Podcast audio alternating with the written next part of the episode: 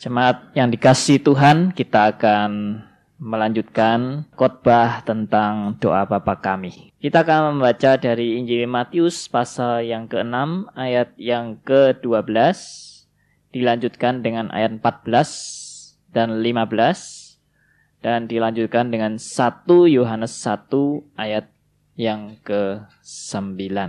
Saya ulangi. Matius 6 ayat 12 dilanjutkan ayat 14 dan 15. Kemudian 1 Yohanes 1 ayat 9. Tapi kita akan baca ayat 8 uh, eh, sampai ayat 10. Demikian firman Tuhan Matius 6 ayat 12. Dan ampunilah kami akan kesalahan kami. Ayat 14 dan 15. Karena jikalau kamu mengampuni kesalahan orang, Bapamu yang di sorga akan mengampuni kamu juga. Tetapi jikalau kamu tidak mengampuni orang, Bapamu juga tidak akan mengampuni kesalahanmu. Ayat berikutnya, kita akan membaca dari 1 Yohanes di belakang ya. Surat 1 Yohanes, pasal yang pertama, ayat 8 sampai ayat 10. 1 Yohanes 1 ayat 8.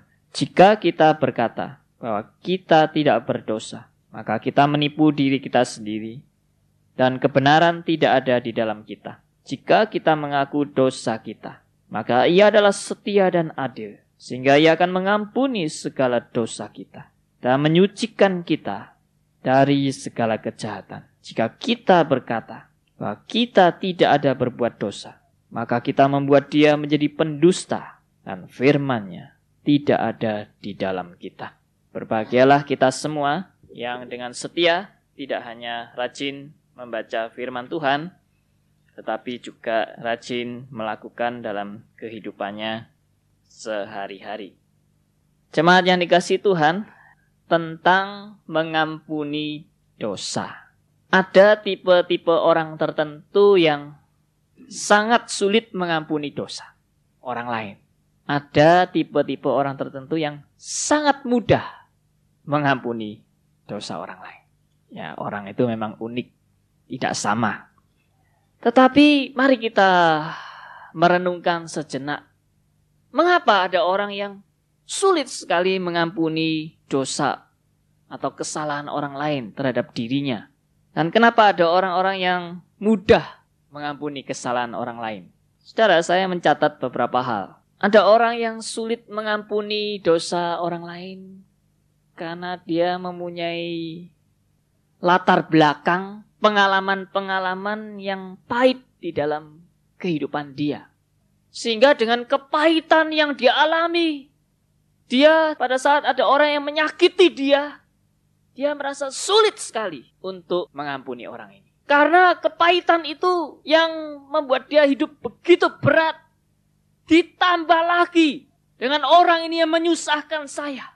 Sehingga orang ini mungkin tanpa sadar karena dia begitu banyak mengalami kepahitan dalam kehidupannya, dia tidak senang melihat orang berbahagia. Dia bahkan merasa dendam. Dia merasa benci dengan orang yang bisa lebih berbahagia dari hidupnya. Secara orang seperti ini sering kali sulit mengampuni orang yang berbuat salah pada dirinya. Dan orang yang sulit mengampuni ini biasanya juga dia tidak pernah merasakan pengampunan dari orang lain. Orang yang sulit mengampuni orang lain, dia sendiri sering kali mengalami bahwa dia tidak diampuni karena dia berbuat kesalahan. Maka rasanya ada rasa ingin membalas dendam. Orang lain berbuat salah. Karena saya pun kalau berbuat salah, saya nggak diampuni. Ada hati yang keras di dalam dirinya karena pengalaman-pengalaman latar belakang. Dan bahkan saudara orang yang seperti ini juga dia sendiri tidak bisa mengampuni dirinya sendiri. Kalau dia buat-buat salah, dia mengutuki dirinya. Dia menghukum dirinya. Dirinya sendiri saja tidak bisa diampuni. Apalagi orang lain. Dia mau mengampuni orang lain. No. Maka dia menjadi orang yang kelihatan begitu sadis. Dan mengerikan. Saudara kita bisa memaklumi. Setiap orang yang berbuat seperti ini. Karena latar belakangnya. Karena pengalaman-pengalaman. Apakah orang seperti ini adalah orang yang tadi termasuk di dalam doa Bapa kami Dan dikatakan di dalam ayat 14 dan 15. Tetapi jikalau kamu tidak mengampuni orang, Bapamu juga tidak akan mengampuni kesalahan. Tentu hal seperti ini tidak baik, saudara ya. Kita setuju bahwa orang yang sulit mengampuni orang lain ini tidak baik. Kita setuju. Tetapi bagaimana orang yang sangat mudah sekali mengampuni orang lain? Kenapa dia begitu mudah mengampuni orang lain? Oh, ada beberapa sebab yang saya catat di sini. Yang pertama, orang ini yang biasanya mudah mengampuni orang lain. Biasanya, ini biasanya ya. Pada umumnya, orang ini tidak punya prinsip. Karena dia tidak punya prinsip, semua masalah bagi dia ah nggak terlalu perlu dipersoalkan, nggak prinsip. Jadi orang lain berbuat keliru atau salah, ya bagi dia ah no problem, beres ya. Begitu mudah dia mengampuni orang lain karena tidak ada prinsip atau ada sebab lain. Mungkin juga Orang yang terlalu mudah mengampuni orang lain ini karena dia juga mempunyai dosa yang sama. Eh podo yo aku mbek kowe yo wis tak ampuni ae. Sami mawon. Sehingga terlalu mudah mengampuni karena ah sama saja. Saya mbek kamu, saya sama kamu tidak berbeda. Jadi buat apa saya memusuhi kamu wong sama? Orang juga mudah mengampuni orang lain karena si akunya ini belum sampai tersinggung. Nggak apa-apa, itu oh no problem. Karena itu tidak menyangkut si aku. Belum sampai menyentuh si aku. Atau dengan kata lain, si aku ini bisa disimbolkan, digambarkan dengan yang termahal di dalam hidupnya. Belum disinggung orang. Selama itu belum disentuh, bagi dia mudah saja mengampuni orang lain. Saya coba kalau si akunya tersentuh. Mungkin lain saudara ceritanya. Jadi, apakah terlalu mudah mengampuni orang lain dan terlalu sulit mengampuni orang lain? Itu suatu yang benar. Saya kira saudara sama-sama setuju dengan saya. Nggak benar ya. Dua-dua nggak benar. Karena mudahnya ini juga keliru, sulitnya juga keliru.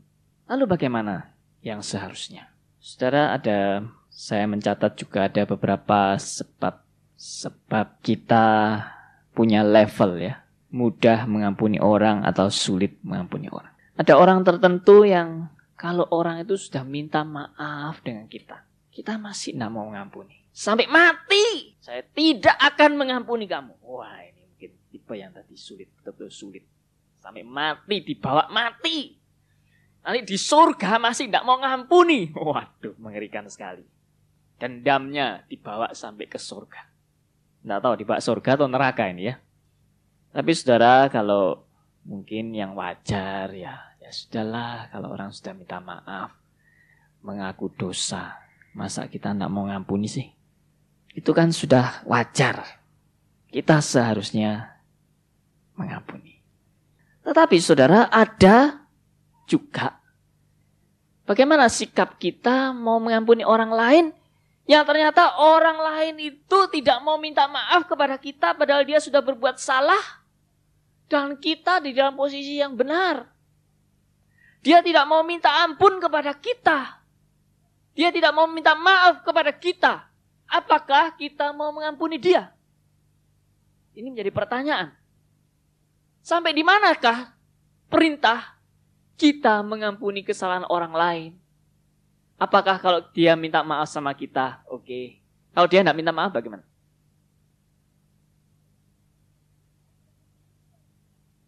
Lalu bagaimana pula juga pada saat kita mau mengampuni orang dengan orang yang tidak hanya tidak mau minta maaf pada kita, tapi sebaliknya dia sangat-sangat membenci kita. Padahal kita di dalam posisi yang tidak salah. Maukah kita mengampuni orang yang tanpa sebab? Ya ada sebabnya. Tapi maksudnya dari kita tidak ada sebab dia membenci kita mungkin karena dia iri kepada kita. Apakah kita mau mengampuni dia? Tahap berikutnya yang mungkin lebih berat. Bagaimana dengan orang yang memfitnah kita? Yang merusak nama baik kita? Yang memberikan data-data palsu? Apakah kita mau mengampuni dia? Yang terakhir, bagaimana dengan orang yang munafik? Yang kita tahu jelas, orang ini munafik, bermuka dua, bunglon, mukanya seperti kuburan, putih di depan, busuk di dalam. Apakah kita punya hati untuk mengampuni orang seperti ini? Saudara sekalian, dengan saya memaparkan hal seperti ini, saya yakin saudara dan saya akan mengakui kita tidak mudah mengampuni. Tidak mudah. Kalau si aku kita tersinggung, kalau apa yang paling berharga dalam hidup kita disinggung orang. Kita sadar kita sebenarnya tidak bisa mengampuni. Lalu bagaimana dengan pengertian ayat ini? Ayat ini seolah-olah memberikan suatu peringatan yang mengerikan bagi saudara dan saya. Kalau saudara sampai nggak bisa mengampuni orang, Bapakmu yang di surga pun tidak akan mengampuni kamu. Waduh, mati aku. Siapa di antara saudara di sini semua yang berani mengatakan saya orang yang paling sempurna yang bisa mengampuni orang? Dia yang patut masuk surga. Apa begitu? Siapa yang bilang saya yang patut masuk surga karena saya sudah bisa mengampuni semua aspek-aspek tadi? Ternyata tidak. Kalau kita jujur, kita mau masuk ke dalam alam realita. Kita mau mengakui secara realistis. Ya, Pak Gatot minggu lalu mengkhotbahkan Alkitab itu memberikan sesuatu yang realistis. Bukan memberikan sesuatu yang ya mimpi atau di awan-awan. Realistis. Kita mengakui bahwa kita semua tidak ada yang sempurna. Dan tidak ada yang mampu untuk bisa melakukan pengampunan dengan sempurna. Kalau begitu, Siapa yang bisa masuk surga? Tidak ada. Apakah ayat tadi di atas saudara? Karena itu kamu, jikalau kamu mengampuni kesalahan orang, Bapamu yang di surga akan mengampuni kamu juga. Tetapi jikalau kamu tidak mengampuni orang, Bapamu juga tidak akan mengampuni kesalahan. Saudara, ayat ini sering kali disalah mengerti dan ditangkap sebagai suatu syarat keselamatan. Kamu kalau mau selamat, kamu harus mau mengampuni orang lain. Berarti saudara kalau itu menjadi suatu syarat keselamatan, keselamatan tidak lagi kita pahami sebagai suatu anugerah. Berarti keselamatan itu harus diperoleh baru bisa kita terima dengan perbuatan. Apakah perbuatan menentukan keselamatan? Tidak. Lalu di dalam ayat ini juga ada pengertian. Orang menangkap pengertian.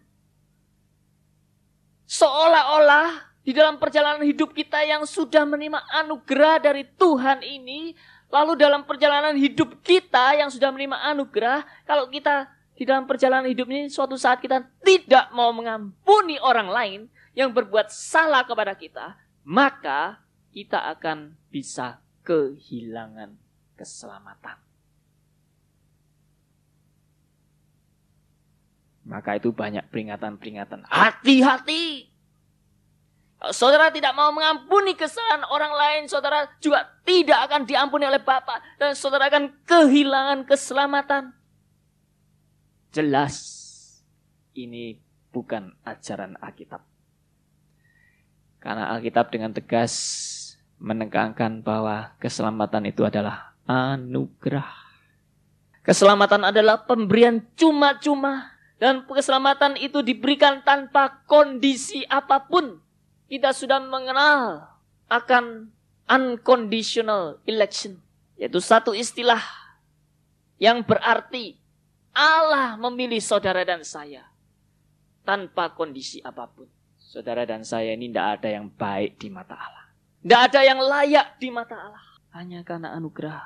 Efesus 2 ayat 8 dan 9. Kita diselamatkan bukan karena perbuatan baik kita, tapi semata-mata karena kasih karunia. Kebenaran berikutnya, apa yang Alkitab katakan masalah pengampunan ini? Firman Tuhan mengatakan kepada saudara dan saya bahwa pengampunan itu sebenarnya bukan haknya kita. Pengampunan itu adalah haknya Allah. Yang bisa mengampuni dosa bukan kita. Yang bisa mengampuni dosa adalah Allah. Karena itu pernah saudara di dalam suatu peristiwa di mana Tuhan Yesus mengampuni dosa seseorang yang sedang sakit. Orang Parisi dan ahli Taurat tersandung. Mereka mengatakan, mana bisa orang ini mengampuni dosa? Karena yang berhak mengampuni dosa hanyalah Allah. Dan itu benar. Memang yang bisa mengampuni dosa hanyalah Allah. Tetapi sayangnya orang Parisi dan ahli Taurat tidak tahu bahwa Tuhan Yesus adalah Allah yang berhak mengampuni dosa orang. Dan saudara pengampunan dosa itu di dalam Ibrani 10 ayat 22 tertulis bahwa pengampunan dosa itu baru bisa terjadi karena suatu penebusan darah yang tercurah. Ibrani 9 ayat 12. Dan hampir segala sesuatu disucikan menurut hukum Taurat dengan darah. Dan tanpa penumpahan darah tidak ada pengampunan. Saudara, jadi pengampunan itu terjadi karena karya Allah. Penebusan di dalam Yesus Kristus. Kita tidak mungkin bisa mengampuni dosa orang. Siapa saudara yang bisa mengampuni? Kita semua tidak berhak mengampuni. Berikutnya, kalau dikatakan keselamatan bisa hilang karena perbuatan tidak mau mengampuni. Maka ini pun juga bukan firman Tuhan. Yang menjamin keselamatan sampai selama-lamanya. Bukan perbuatan manusia. Kalau sampai Allah mau menghitung satu persatu perbuatan saudara dan saya, tidak ada satu pun yang bisa lolos untuk bisa diperbolehkan masuk surga. Tidak ada. Allah kalau menyeleksi, menyeleksi saudara dan saya, Allah menyeleksi saudara dan saya itu harus sempurna. Baru bisa lolos. Siapa yang bisa sempurna? Kembali lagi, tidak ada. Siapa sih orang yang merasa dirinya sudah layak dan merasa dirinya sudah patut masuk surga? Dia justru yang tidak patut. Dia yang justru tidak layak. Karena tidak ada perbuatan manusia yang dapat memenuhi tuntutan kesempurnaan Allah dan keadilan Allah. Tidak ada. Tidak ada satupun perbuatan manusia yang dapat memenuhi tuntutan kesempurnaan Allah. Berikutnya, apa yang dinyatakan Alkitab tentang pengampunan ini? Bahwa penebusan Kristus itu, penebusan yang dilakukan Kristus di kayu salib, itu adalah penebusan untuk menghapus dosa saudara dan saya, bukan untuk masa lalu kita saja, tetapi penebusan Kristus itu untuk menebus dosa saudara, baik untuk masa lalu, masa sekarang, dan masa yang akan datang, alias tuntas, alias sempurna. Penebusan Kristus tidak separuh-separuh. Ya sudah kamu tak tebus separuh umurmu. Setelah itu sisanya, gua nggak mau tanggung jawab. Kamu yang tanggung jawab. Tidak. Yesus Kristus menebus dosa saudara dan saya tuntas. Jaminan dari Tuhan luar biasa. Sehingga tidak ada istilah keselamatan bisa hilang. Kebenaran berikut yang Alkitab katakan adalah tidak ada dosa yang tidak dapat diampuni. Kecuali satu, yaitu menghujat Roh Kudus. Jadi saudara tidak ada istilah bila saudara ini gagal, saudara tidak mampu melakukan firman Tuhan dengan sempurna, maka saudara akan dibuang, saudara akan dimasukkan ke dalam api neraka. Saudara akan gagal dari merintis untuk menuju pada keselamatan. Tidak ada. Karena dosa yang kita perbuat bukan dosa yang membawa kepada maut. Di Alkitab dikatakan semua pelanggaran adalah dosa. Tetapi ada dosa yang tidak membawa kepada maut dan ada dosa yang membawa kepada maut. Apakah dosa yang membawa membawa kepada maut? Apakah dosa yang membawa kepada maut ini adalah ketidaksempurnaan saudara? Apakah dosa yang membawa kepada maut ini ketidaksanggupan saudara? Tidak. Semua orang tidak sanggup.